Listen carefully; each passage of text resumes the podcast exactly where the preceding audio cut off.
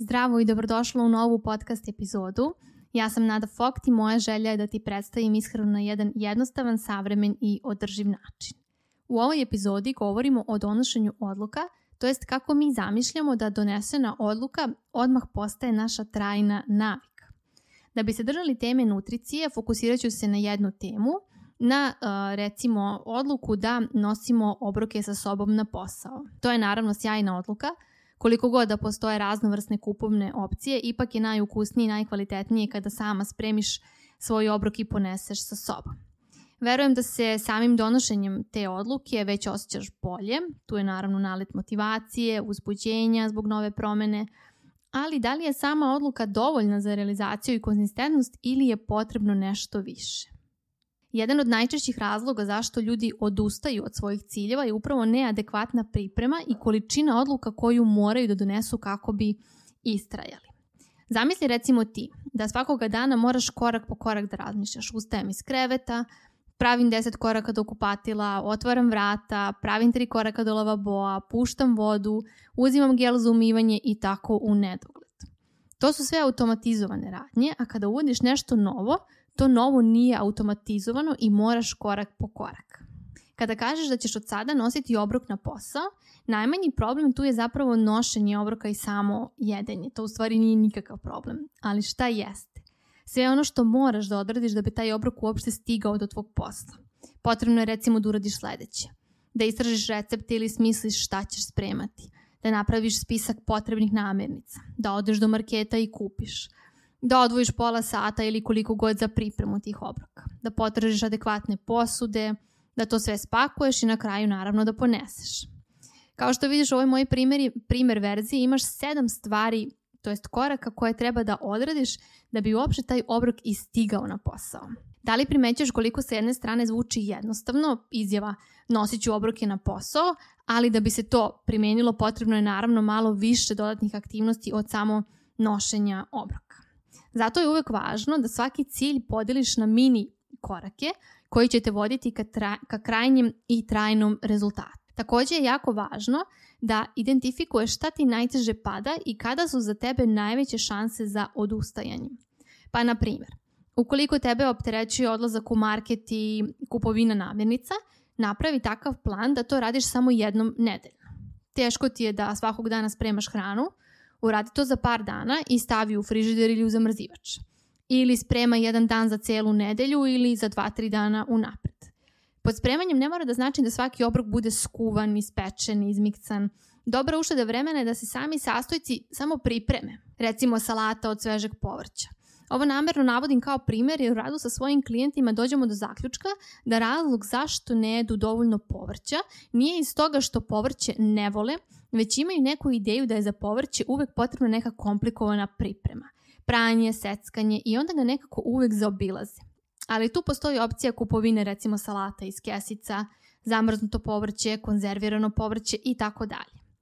Recimo ne voliš da tražiš recepte na netu, smisli neke svoje kombinacije ili pogledaj kod mene na YouTube-u ili Instagramu. Ja sada navodim samo neke banalne primere, ali je važno da shvatiš poentu. Cilj je da tako automatizuješ radnje da bi donosila što manje odluka na dnevnom nivou.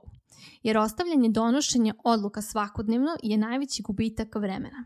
U ostalom i mogućnost da plan za taj dan ne ostvariš, jer odluka nije doneta u napred i oslanjaš se na trenutno raspoloženje, koje može da bude recimo umorna sam, neću sada ništa spremiti, kupit ću sutra nešto i onda ti sutra bude žao a recimo stvarno ti nije bilo potrebno nešto ne znam kako vremena i truda da taj obrok pripremiš. Što naravno da ne znači da ne treba da slušaš sebe i da ako si umorna i duša ti u nosu, ti po svaku cenu treba da pripremaš taj obrok, ali nekada i ne mora nešto da ti se radi, ali rezultat koji dobijaš je nešto što vredi i onda vredi da se malo potrudiš oko toga. Ajde odmah da pređemo na jedan zadatak. Sastavi spisak stvari koje želiš da odradiš. Zatim sada sve te stvari raščlani na najsitnije moguće, tako da svakog trenutka znaš šta je sledeće što treba da završiš zarad ostvarenja toga. Identifikuj šta je to što te koči i radi na tome. Potrudi se da prilagodiš to na drugi način, nemoj samo reći ja to ne mogu, meni se to ne radi, ne sviđa. Promeni način, daj sve od sebe. Sigurno postoji neki način koji tebi prija i uz koji možeš da svoju odluku sprovedeš u delo. Evo jedan konkretan primjer. Na pleh za pečenje u rerni staviš na pola neko povrće po ukusu, na pola meso ili ribu. Ubaciš to u zagrejanu rernu i ostaviš da se peče 15 do 20 minuta. Zatim kada, zatim kada si to stavila, uzmeš šerpu, odabereš skrobni deo porcije po svom ukusu, recimo pirinač najjednostavnije, opereš i staviš da se skuva. Kada je sve to gotovo, pripremiš posudice i u svaku sipaš porciju, onda imaš za recimo 2, 3, 4 obroka u zavisnosti koliko si napravila.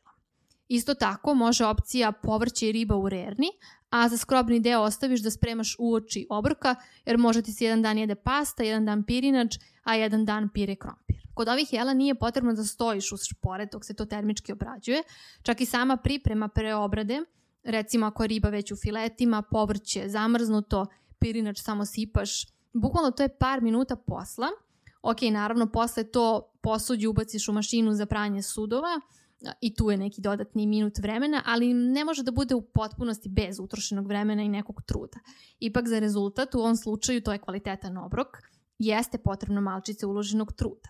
Naravno, svako je gospodar svog vremena i odlučuje na šta želi svoje vreme da uloži, ali iskreno je nešto što je za svakoga od nas važna stvar, zato i treba da nađemo način kako da ta pravilna ishrana bude deo našeg života, tako da nam služi a ne da istoj robujemo. Meni kada neko kaže da nema vremena da kuva, ja to u potpunosti razumem, razumem tu osobu, ali se ne slažem sa time da se stvarno nema vremena. Isto tako, ja sam osoba koja će reći da ni u ludilu ne bih svoje vreme tokom dana odvajala na recimo peglanje i moj argument bi bio da nemam vremena za to. Tako da svako od nas ima drugačiju ideju o vremenu i sasvim razumem a, taj početni stav. Ali pošto ja verujem da svi koji slušaju ovaj podcast i uopšte prate moj rad, imaju naravno dakle interesovanje za pravilnu ishranu, onda ću ti pokazati da imaš vremena za pripremu obroka. Sigurno je da ti neće prijeti da počneš da spremaš neka komplikovana jela i ista nosiš sa sobom, ali postoji milijardu recepata koji su i više nego jednostavni, koje kada želiš zaista možeš brzinski da spremiš svoj obrok i isti poneseš na posao. Za one koji recimo imaju naviku i tu praksu da svakodnevno kuvaju, spremaju obroke, Ovo je jednostavno jer zahteva od njih da samo spreme toga malo više pa da imaju da ponesu sa sobom sutradan kao obrok na poslu. Ali kod onih koji nisu baš zainteresovani oko kuvanja, spremanja hrane, ovo je onda malo veći izazov jer zahteva tu a, inicijalnu pripremu. I za kraj, pet stvari koje treba da zapamtiš iz ove epizode. Motivacija je super, ali nije pouzdana. Ono što tebi treba jeste menjanje navika. Velike ciljeve deli na male – Svaki cilj rašlani na korak po korak i napravi strategiju, vodi dnevnik i trudi se da primećuješ šta je to što te koči kako bi mogla na tome i da radiš. Završila bih ovu epizodu sa zaključkom da ako se nalaziš često u ovim situacijama da ne uspevaš da sprovedeš u delo svoje odluke i od istih izgradiš navike, pokušaj da napraviš neke od koraka iz ove epizode i javi mi kako napredeš. Ja verujem u tebe.